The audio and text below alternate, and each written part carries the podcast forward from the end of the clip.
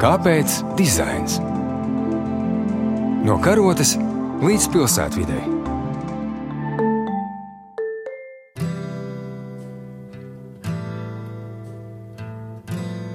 Esiet sveicināti, jūs uzrunā Ilza Dobele. Eiropā izsludināta jauna pieeja, New Bauhaus. Arhitektūras, dizaina un dzīves stila virziens Bauhaus pēc nedaudz vairāk kā simt gadiem atkal ir uzmanības centrā. Radīt, veidot un sadarboties dažādu nozaru profesionāļiem. To šo gadu sākot aicina Eiropas komisijas prezidente Urzula Fonderleina.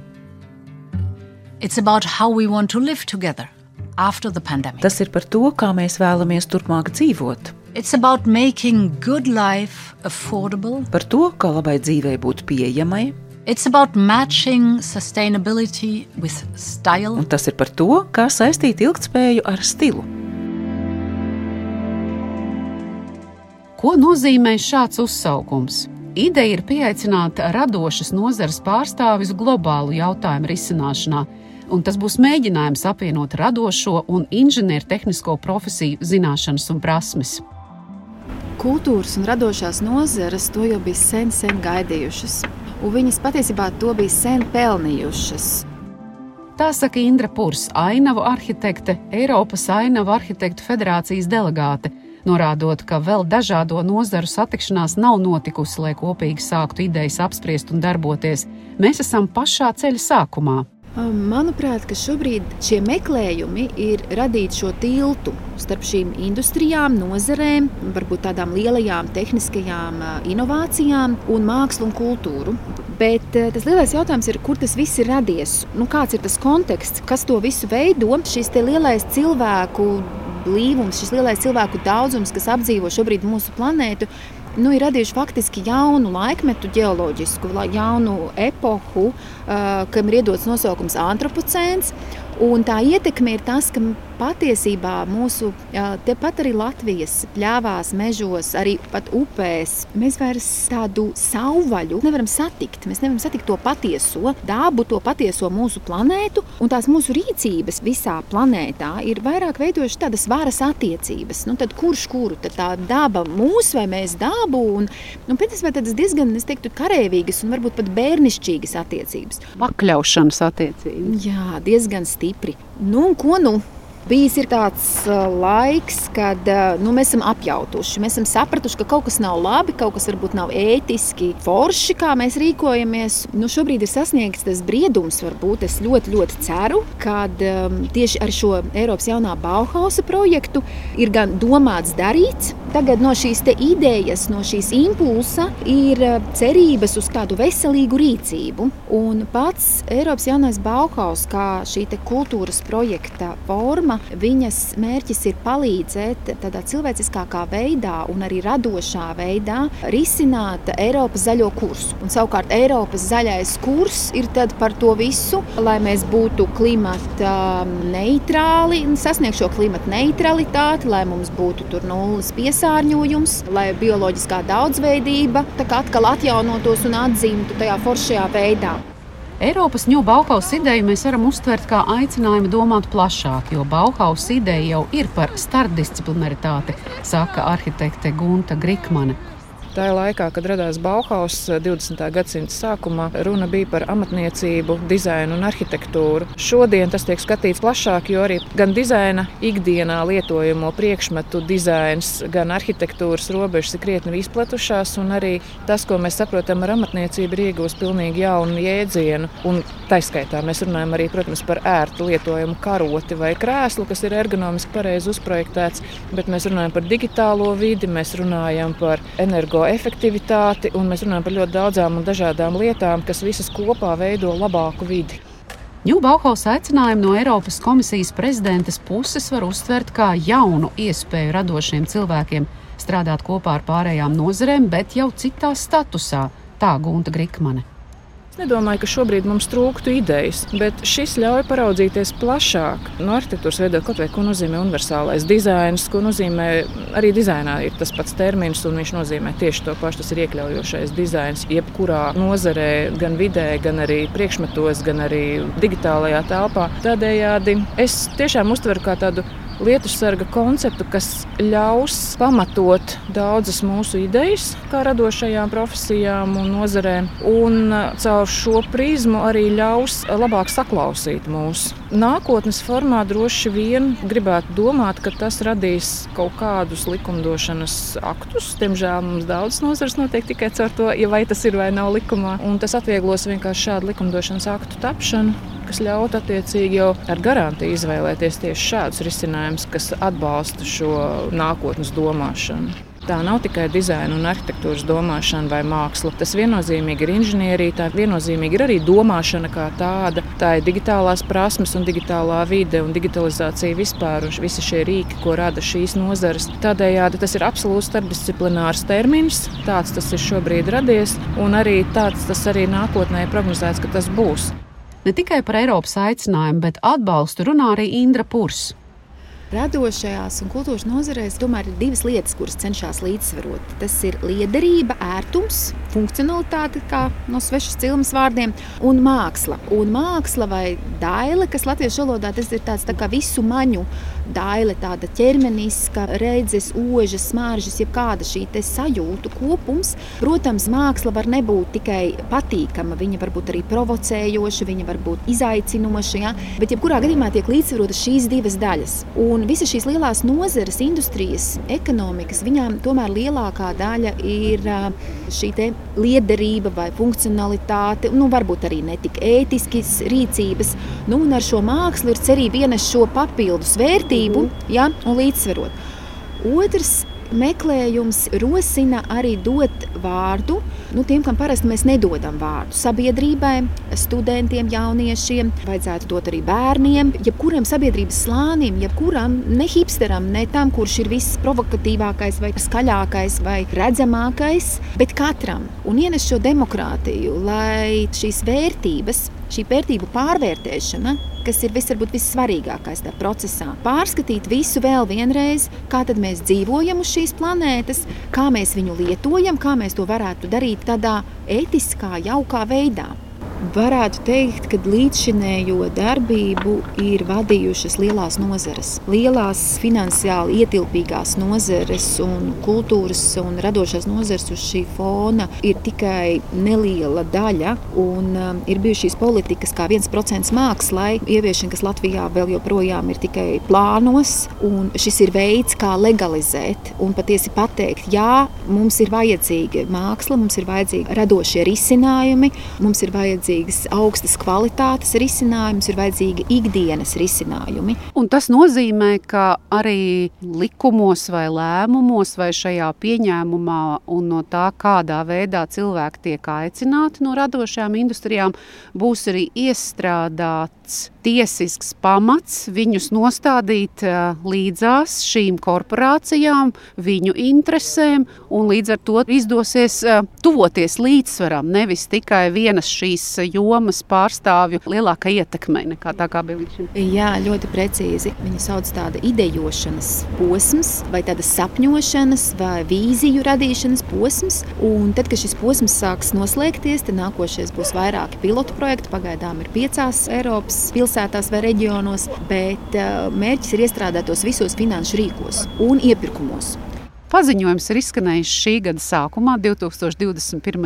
gadā. 2023. gadā, kā mēs runājam, ir cerība to sajust jau klātesošāku. Zem tā būs milzīgs darbs, mēs to varam atļauties pateikt vienā teikumā, bet vai jūs varat iedomāties, kāda mēroga idejas tiek gaidītas?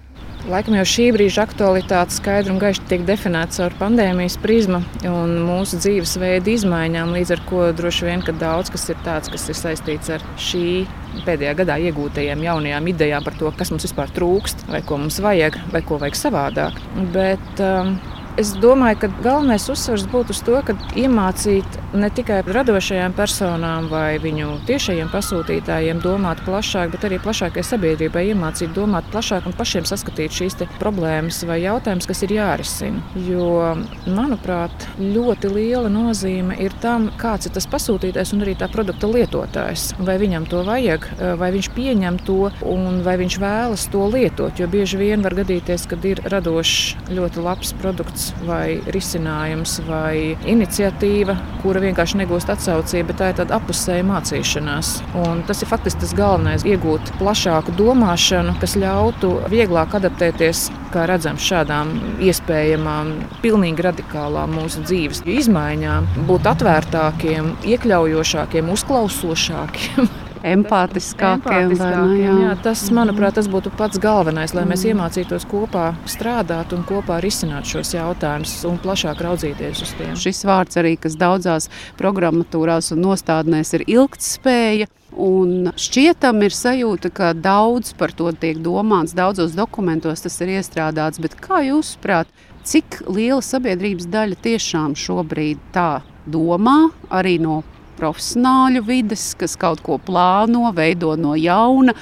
Un cik tiešām būtu tā mūsu vēlama apgūstošā sabiedrības daļa, lai šis kļūtu par tādu ieradumu nākotnē. Gunta, Es domāju, ka mēs visi kopā mācāmies. Gan profesionāļi mācās, gan eh, droši vien ātrāk, ceru, bet mācās arī sabiedrība pamazām un lēnām. Un arī profesionāļi mācās lēnām, jo ja vēl pāris gadus atpakaļ bija jautājums, nu, tas tāds ļoti utilitārs piemērs, vienkārši ir siltināšana mājām, bet pamat jautājums jau tomēr ir par to, ko grib ar to panākt, un vai tie tikai tā brīža rādītāji, tā tad būs siltākas sienas, vai tomēr to var panākt ar citiem rīkiem, vai ir laiks apstāties un apdomāt šos citus citus rīkus, lai katru māju neaptaisam ar fufaiku un nesaliekam tos plasmasas logus bez nekāda rēķina un nojēgas par to, ka faktiski mūsu vide tiek noplicināta un mūsu Latvijas ainava tiek vienkārši noplicināta ar šīm vienādajām fufaikā satērptajām mājām. No ekonomiskā viedokļa iespējams, ka arī citi risinājumi būtu pieņemami. Un tas ir laiks, cilvēki pamazām mācās, pamazām par to sāk runāt un attiecīgi tiek mainīta šī doma tiek mainīta doma par to, vai jebkas ir jāizmet un jānojauc. Ja tas ir nolietojies, vai to tomēr var atjaunot. Tādi piemēri ir arī tepat Latvijā, kur vesels pilsētas savādāk raugās uz savu mantojumu, uz savu pilsētu vidi, uzsverot tieši to, ka visu var atjaunot, ja vēlas, un arī palīdzot ar to. Tādējādi Tas ir lēns process, viennozīmīgi. Tas prasa arī kaut kādu atbalstu, gan materiālu, gan arī kaut kādu cilvēku resursu ziņā, gan arī kaut kādu plānošanas resursu ziņā, bet tas ir darāms. Un atkal, jau, ja ir ārēja iniciatīva, tas ļauj uz vietām, ja tā var lietot šo vārdu, bija viņa vieglāk pieņemt un izprast šādus konceptus, un arī tos vieglāk realizēt. Tas ir tāds aizmugure, ja tev ir šī iniciatīva Un nav svarīgi, jau, vai tas ir vietējā kopiena, kura vēlas restaurēt, nezinu, piemēram, bibliotekas logus, mm. vai tā ir pilsēta, kas vēlas kaut kā mm. savādāk risināt kādu nebūtu sasāpējušas pilsētvidas jautājumu, vai tā ir ražotne, kas vēlas kaut ko sākt ražot eh, un negūst atbalstu, piemēram, caur šādu konceptu, kas pastāv Eiropas Savienības līmenī. Tu jūties drošāk un tev ir vairāk argumentu, kā pamatot savu ideju. Es šādi to redzu, un tāpēc es saku, mērogam nav nozīme, kā tu viņu pielieto. Šis atbalsts, kaut vai mutiskais vai vienkārši esošais koncepts Eiropas līmenī dod šo atbalstu. Jau nerunājot par to, ka ir doma, ka tas tiešām kaut kādā brīdī būs nostiprināts kaut kādos likumdošanas aktos, kas varbūt tās kādreiz nākotnē būs arī saistoši Latvijai. Cilvēku dzīves vēsturē ir bijuši tādi lūzuma punkti vai pagriezieni. Šobrīd ar Eiropas prezidentes Urzulas Vanderlainas tādu pāraudzītu šo kultūras projektu tiek aicināts, rosināts, nu, palaist dzirksteli, lai tā kustība aiziet aiziet, lai mēs sākam dzīvot savādāk, jo mēs arī dzīvojam savādāk. Šī piederības sajūta pilsētām, mājām, vietām, mūsu laukiem, viņi ir mainījusies gadu simtiem, šis attieksme pret to visu. Un ienest šo Eiropas zaļā kursa ideju, šīs vērtības mūsu ikdienā. Un tie sagaidāmie rezultāti būtu soli pa solim pirmkārt mainīt šo uztveri, kā mēs par to visu domājam, sākt radīt jaunas prakses, kas nemaz dažreiz nav tik ērti, kaut ko darīt savādāk nekā darīts līdz šim šim sevi mazliet jāpamaina. Otrs lielais izaicinājums, ko šis um, Eiropas jaunais Bauhaus uzliek, ir um, koprate. Angļu valodā tas saucās co-creation, bet uh, domājot par šodienas sarunu, es atradu tādu vārdu kā līdzradīšana, līdzrade. Un es teiktu, ka pat viņam ir tāds latviešu valodā labskanīgāks vai labāk jēga.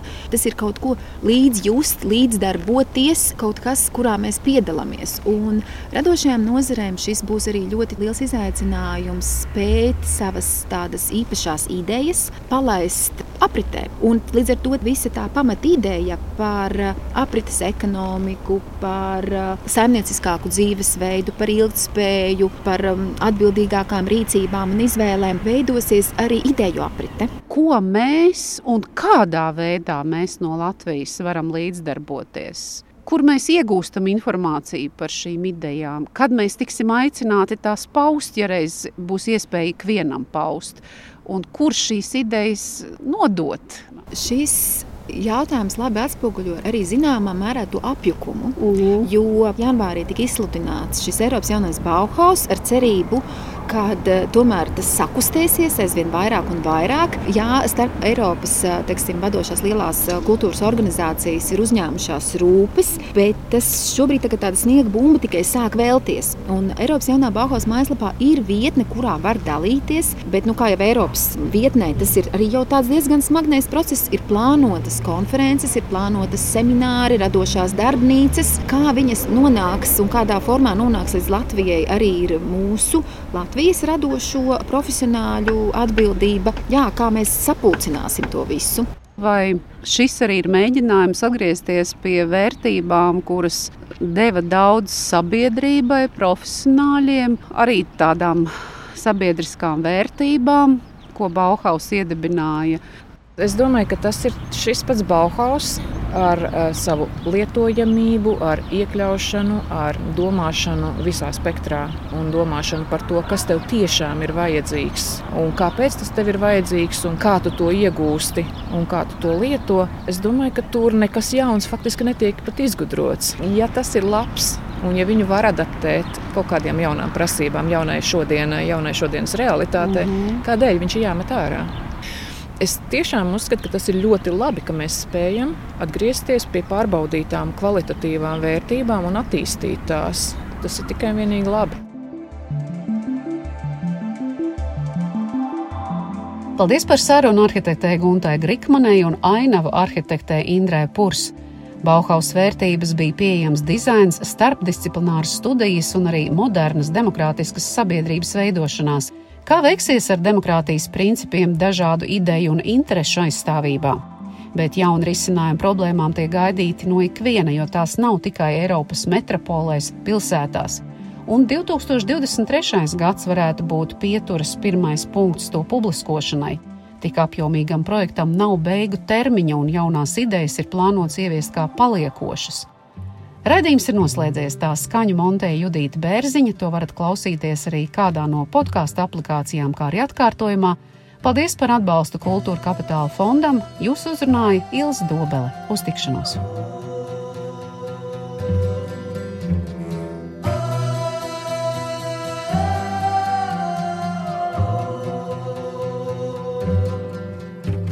The sound of the drum is calling. Sound of the drum has called. Flash of youth, shoot out of darkness. Factory town.